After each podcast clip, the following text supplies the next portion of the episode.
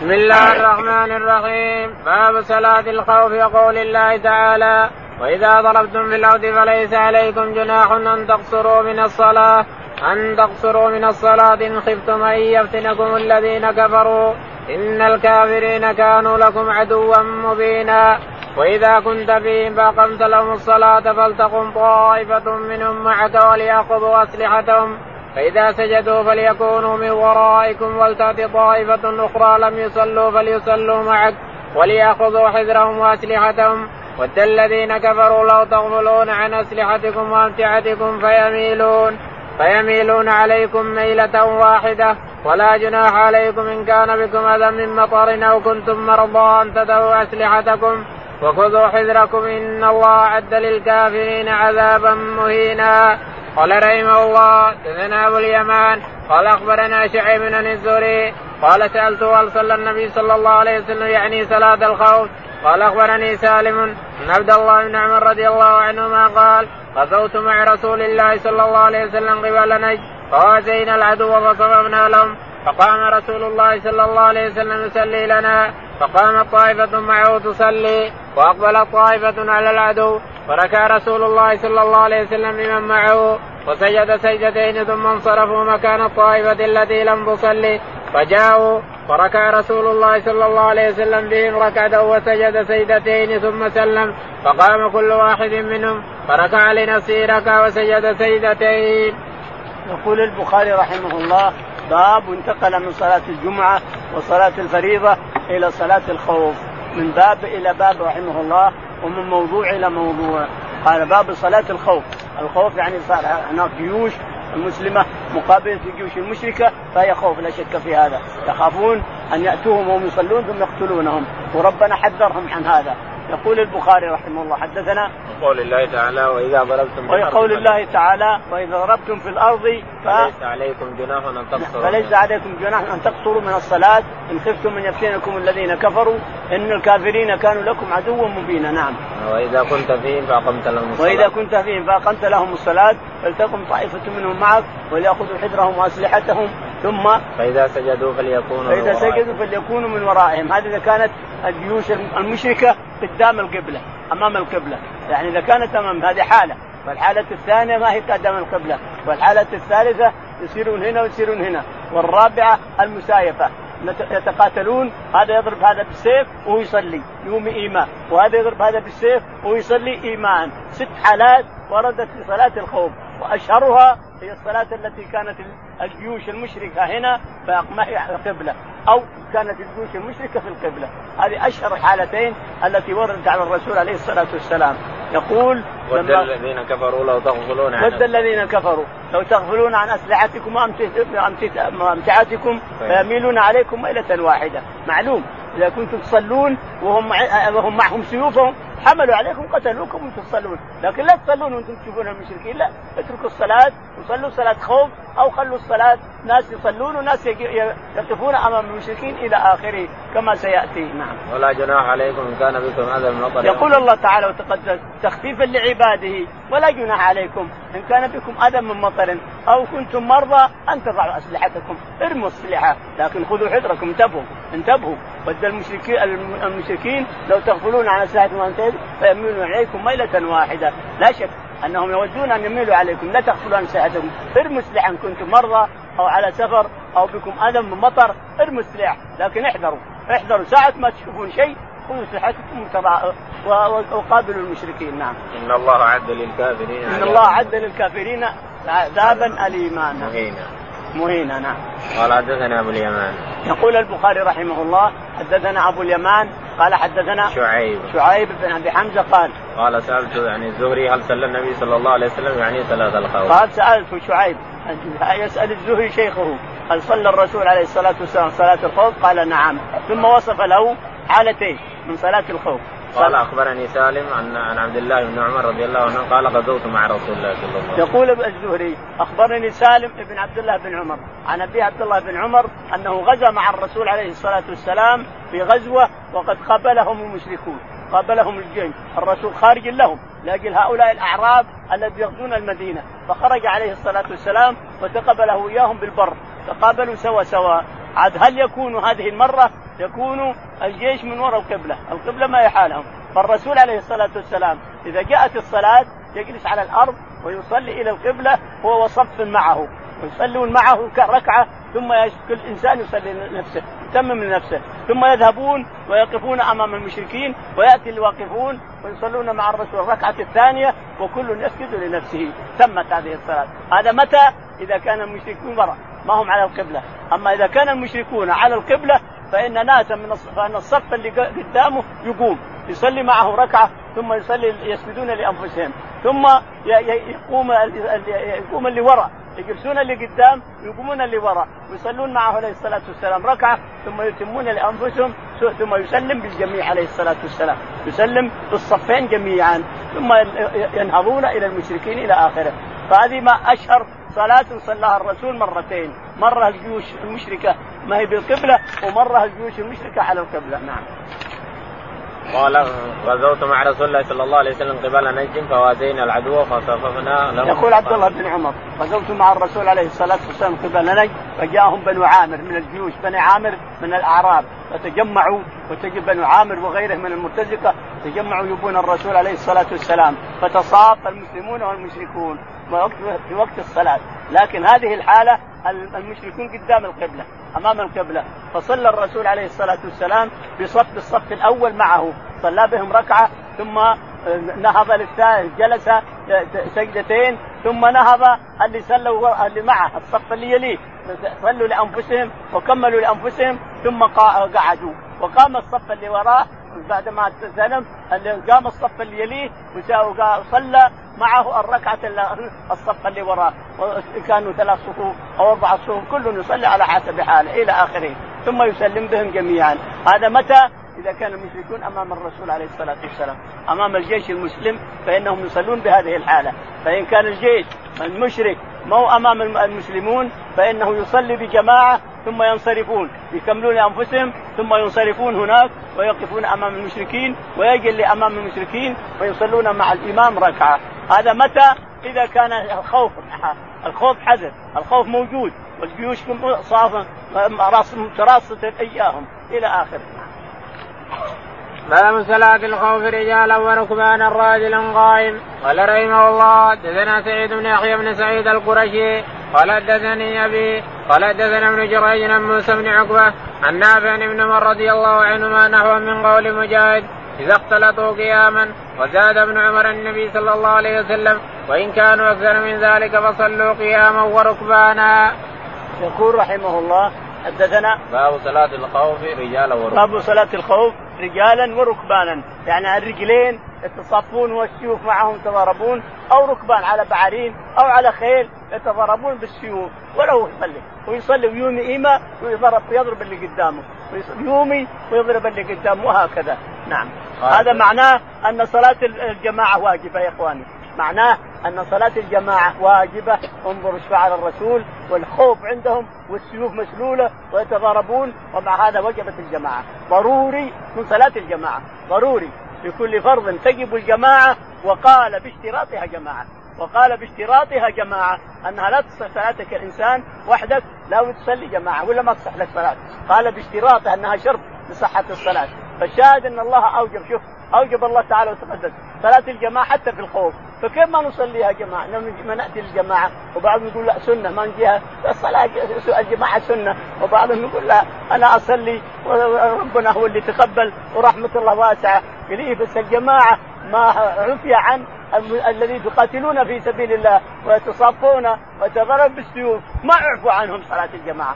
أمروا بأن يصلوا الجماعة يصلوا صلاة الخوف ويقصروا من الصلاة ويعملوا كذا ويعملوا كذا ويقصروا ويمشون ويضرب ويمشي قدام ويضرب ويصلي ويصلي يومي. المهم الجماعة أنها واجبة وجوبا شرعيا لازم على المسلم يحضر الجماعة ولا يصلي إلا جماعة وحده فريضة لا يجوز له أن يصلي وهو قادر على الجماعة بدون عذر شرعي بدون عذر. يقول رحمه الله نعم. حدثنا سعيد بن يحيى. حدث صاففنا المشركون كنت في جيش مع الرسول عليه الصلاة والسلام وصاففنا المشركون وكنا نصلي وأحيانا نتسايف إحنا وياهم وأحيانا يصلي جماعة وينصرف جماعة وأحيانا يصلي صف وينصرف صف. حالات صلاة الخوف ست حالات نعم. قال وزاد ابن عمر النبي صلى الله عليه وسلم وإن كانوا أكثر من ذلك فليصلوا قياما وركبانا. يقول ابن عمر رضي الله عنه إن النبي عليه الصلاة والسلام قال إن كان أكثر من ذلك فليصلوا ايماء يعني يصلي الإنسان وتضرب الرجل اللي قدامك وأنت تصلي الظهر بالإيماء والعصر والمغرب الركعة الأولى الركوع بالإيماء والسجود بالإيماء إلى آخره وأنت تضارب من أمامك نعم. وإن كانوا أكثر من ذلك فليصلوا قياما وركبانا. وإن كانوا أكثر من ذلك يعني أكثر الخوف أكثر من ذلك فليصلوا قياما وركبانا وعلى جنب أي إلى يصلون قيام وهم يمشون ويصلوا ركبانا وهم على بعارين. جائز هذا كله لأن الخوف الله تعالى وتقدس شرع لعباده الشيء اللي يستطيعونه الشيء اللي يستطيعونه. فأنت تستطيع تصلي إيمان وتضارب افعل. باب يحرس بعضهم بعدا في صلاة الخوف.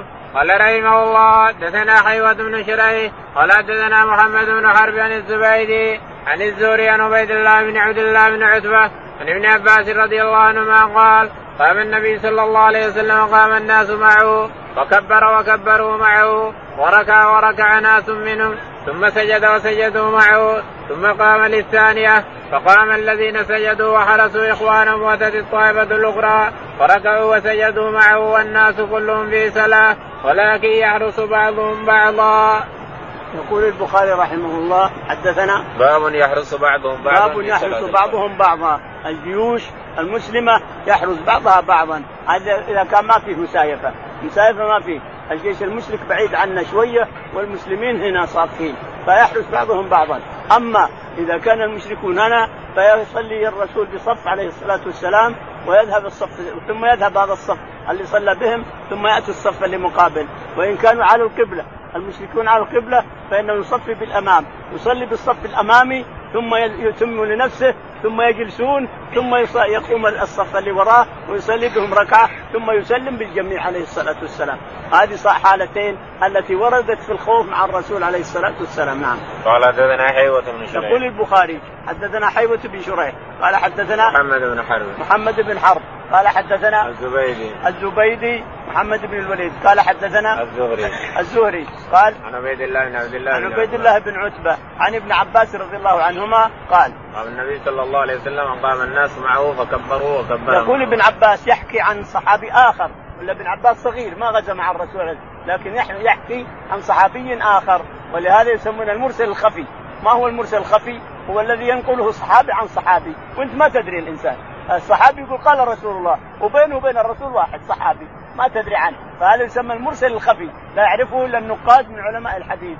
فالشاهد يقول ابن عباس النبي عليه الصلاة والسلام قام يصلي فقام أناس معه. هذه حالة قام أناس معه في الصف فصلى بهم ثم أتموا لأنفسهم وجلسوا ثم قام الصف الثاني اللي يحرسونهم. فصلى بهم ركعة ثم جاء أتموا لأنفسهم ثم صلى بالجميع. هذه حالة. إذا كان الجيش في القبلة. فإن كان الجيش ما هو في القبلة فإنه يصلي بهذا الصف ثم يسلمون لأنفسهم. يصلوا لأنفسهم ويسلمون ثم يذهبون ويأتي اللي مقابل الجيش يقابل هذول يقابلون وهذول يأتون ويصلون مع الرسول عليه الصلاة والسلام. كل هذا المقصود فيه بركة الرسول والصلاة مع الرسول وبركة الرسول عليه الصلاة والسلام. فان نسوي بهذا الشكل مع إمامنا تقول نعم أن أمرنا بالصلاة جماعة وأن نصلي مع الإمام سواء كان من التابعين أو غيرهم نصلي معه. فإذا كنا في في مع جيوش مشركه ونقاتلهم والجيوش المسلمة تبي تصلي نقول نعم الإمام. صل بناس إذا كان الجيش المشرك قدامنا صل بصف قدامك صل معهم ثم يتمون لأنفسهم ثم يقوم الصف اللي بعدهم ثم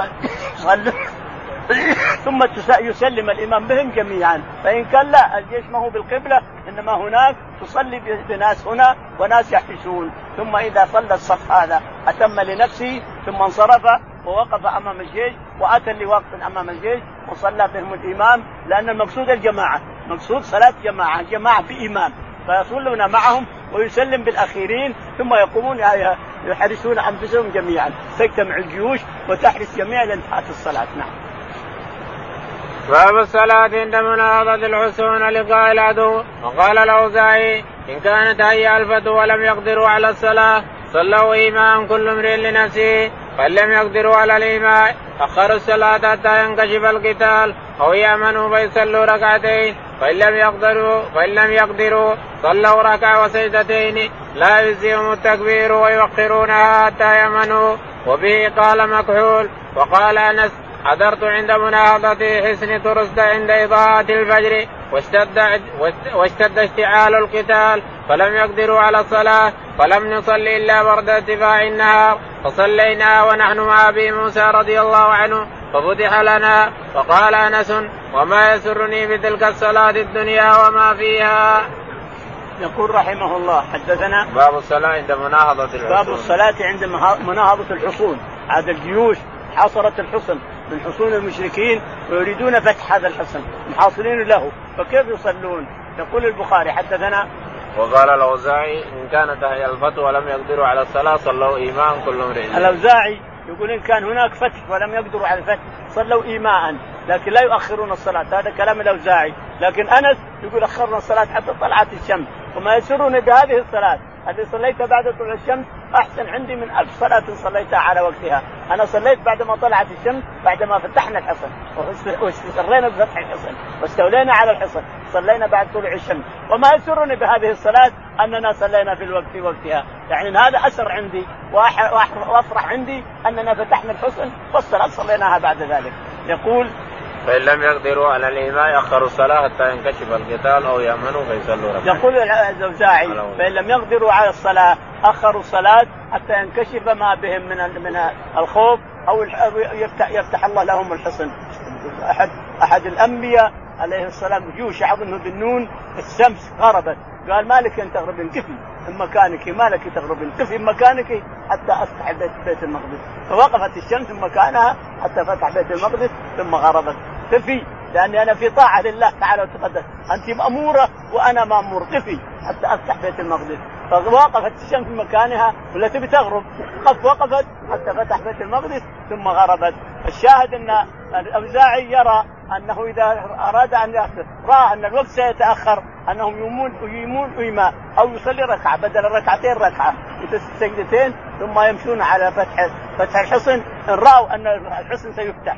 وقد حاصروا حصن تستر وهو الذي قتل به آه، ولا عكرمة بن أبي جهل مع خالد بن وليد عكرمة بن أبي جهل قتل في حصن تستر وهو شهيد إلى الآن يعرف قبره. فالشاهد أن الناس إذا كانوا محاصرين حصن وفرحوا فتحه أو رجوا فتحه فإنهم يؤخرون الصلاة حتى يفتح الحصن. هذا كلام أنس أننا أخرنا الصلاة حتى طلعت الشمس وفتح لنا الحصن والأمير أبو موسى الأشعري رضي الله عنه. حصن تستر نعم. قال رحمه الله دثنا يحيى قال حدثنا وكيع عن علي بن المبارك عن يحيى بن أبي كثير عن أبي سلمة عن جابر بن عبد الله رضي الله عنه قال جاء عمر يوم الخندق فجعل يصب كفار قريش ويقول يا رسول الله ما صليت العصر حتى كادت الشمس أن تغيب؟ فقال النبي صلى الله عليه وسلم وأنا والله ما صليتها بعد. قال فنزل إلى بطحان فتوضأ وصلى العصر بعدما غابت الشمس. ثم صلى المغرب بعدها. يقول البخاري رحمه الله حدثنا يحيى.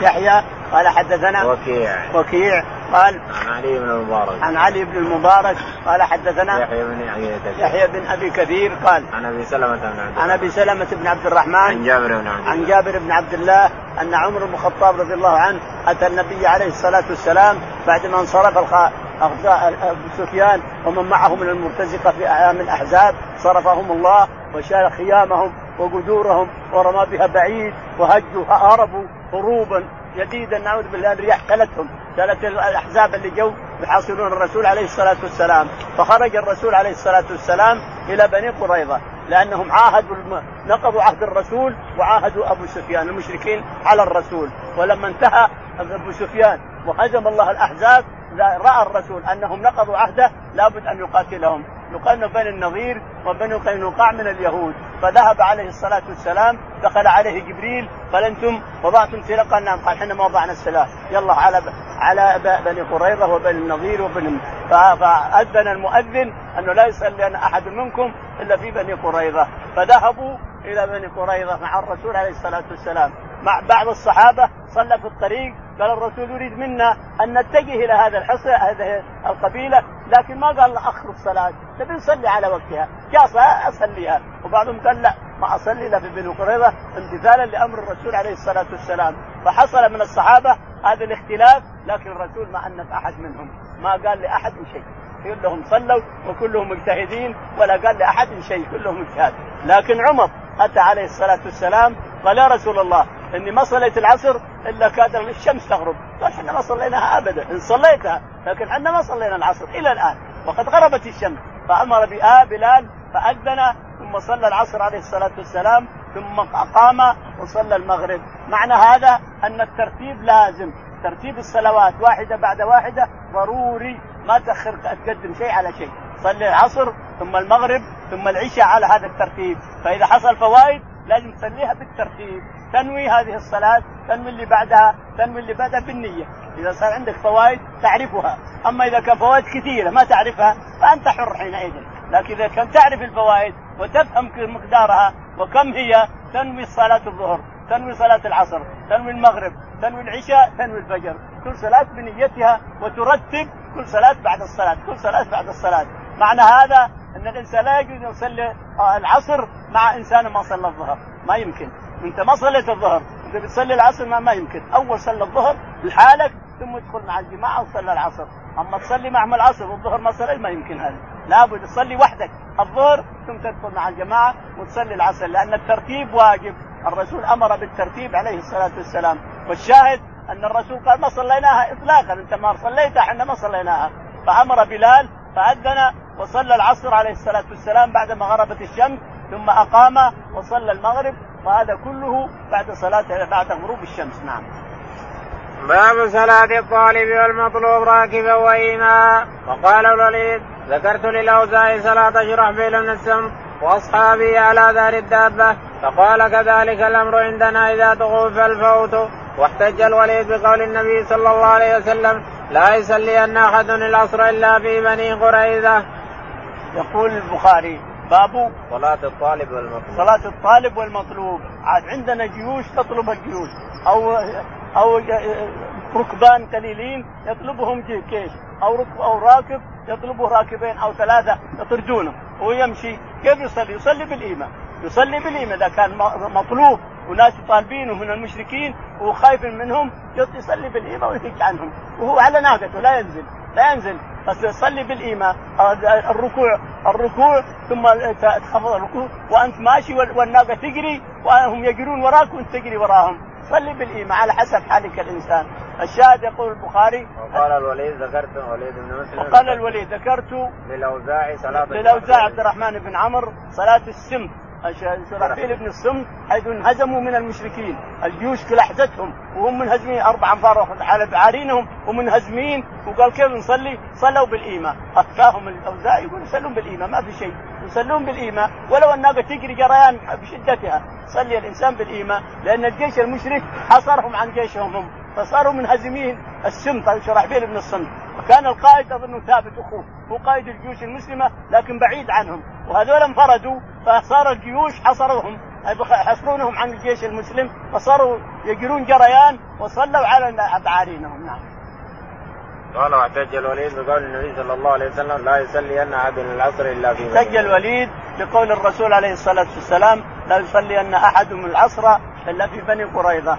لكن ما أدري وش وجه حجته هو أنت منهزم طاردينهم مشركين وحاصرينه عن الجيش. اخوه أخوه قائد الجيوش المسلمة وبعيد شوي عنهم. وهذول انفردوا يطلبون سرية أو شيء من هذا. فجاءهم الجيش يسحق فهجوا منهم وصلوا. فقالوا لا يكاد. عاد هو يقول إن لا يصلي ان أحدكم العصر. إلا في بني قريظة. يعني إحنا ما إحنا مصلين العصر إلا يوصلنا جيش الإسلام. ما هذا قياس ما هو طيب. نعم. ما هو مصلين العصر حتى يصل الجيش المسلم. باب. قال رحمه الله دثنا عبد الله بن محمد بن أسماء قال حدثنا جويري عن نافع بن عمر رضي الله عنه أنه قال قال النبي صلى الله عليه وسلم لنا لما رجع من الأحزاب لا يصلي أن أحد العصر إلا في بني قريظة فادركوا بعضهم العصر في الطريق فقال بعضهم لا نصلي حتى نأتيها وقال بعضهم بل نصلي لم يرد منا ذلك. فذكر للنبي صلى الله عليه وسلم فلم يعنف واحدا منهم.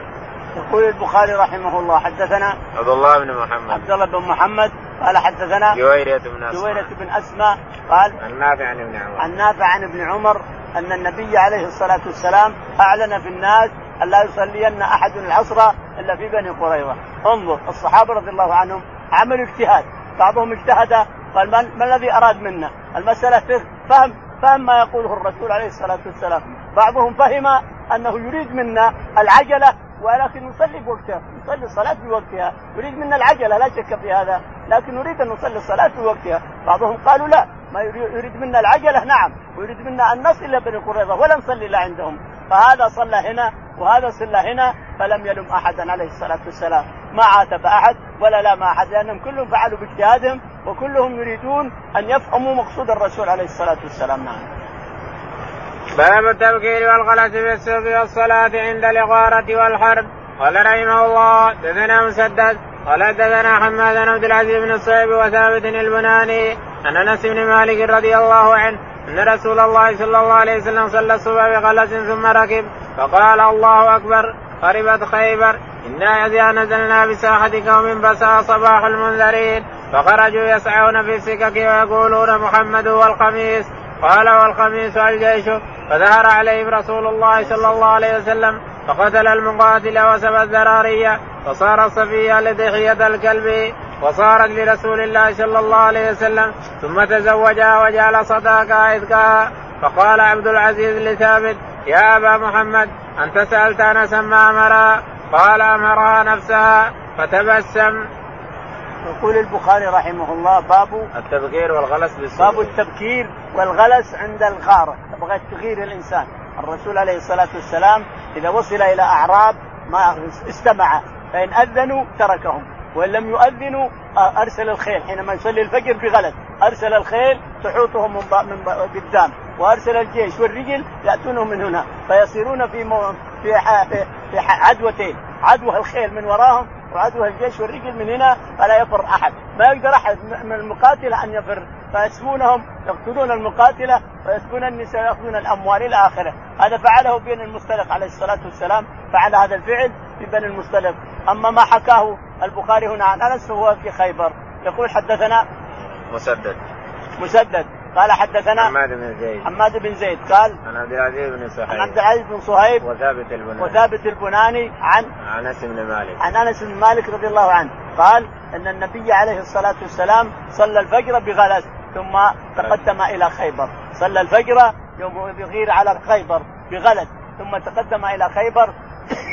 وصلهم بعدما انبلج الفجر واتضح النور. وصل إليهم بعدما انبلج الفجر واتضح النور وبان كل شيء وهم خارجين في مساحيهم يبون يشتغلون شغلهم. وإذا الرسول عليه الصلاة والسلام والجيش معه فقالوا محمد والخميس.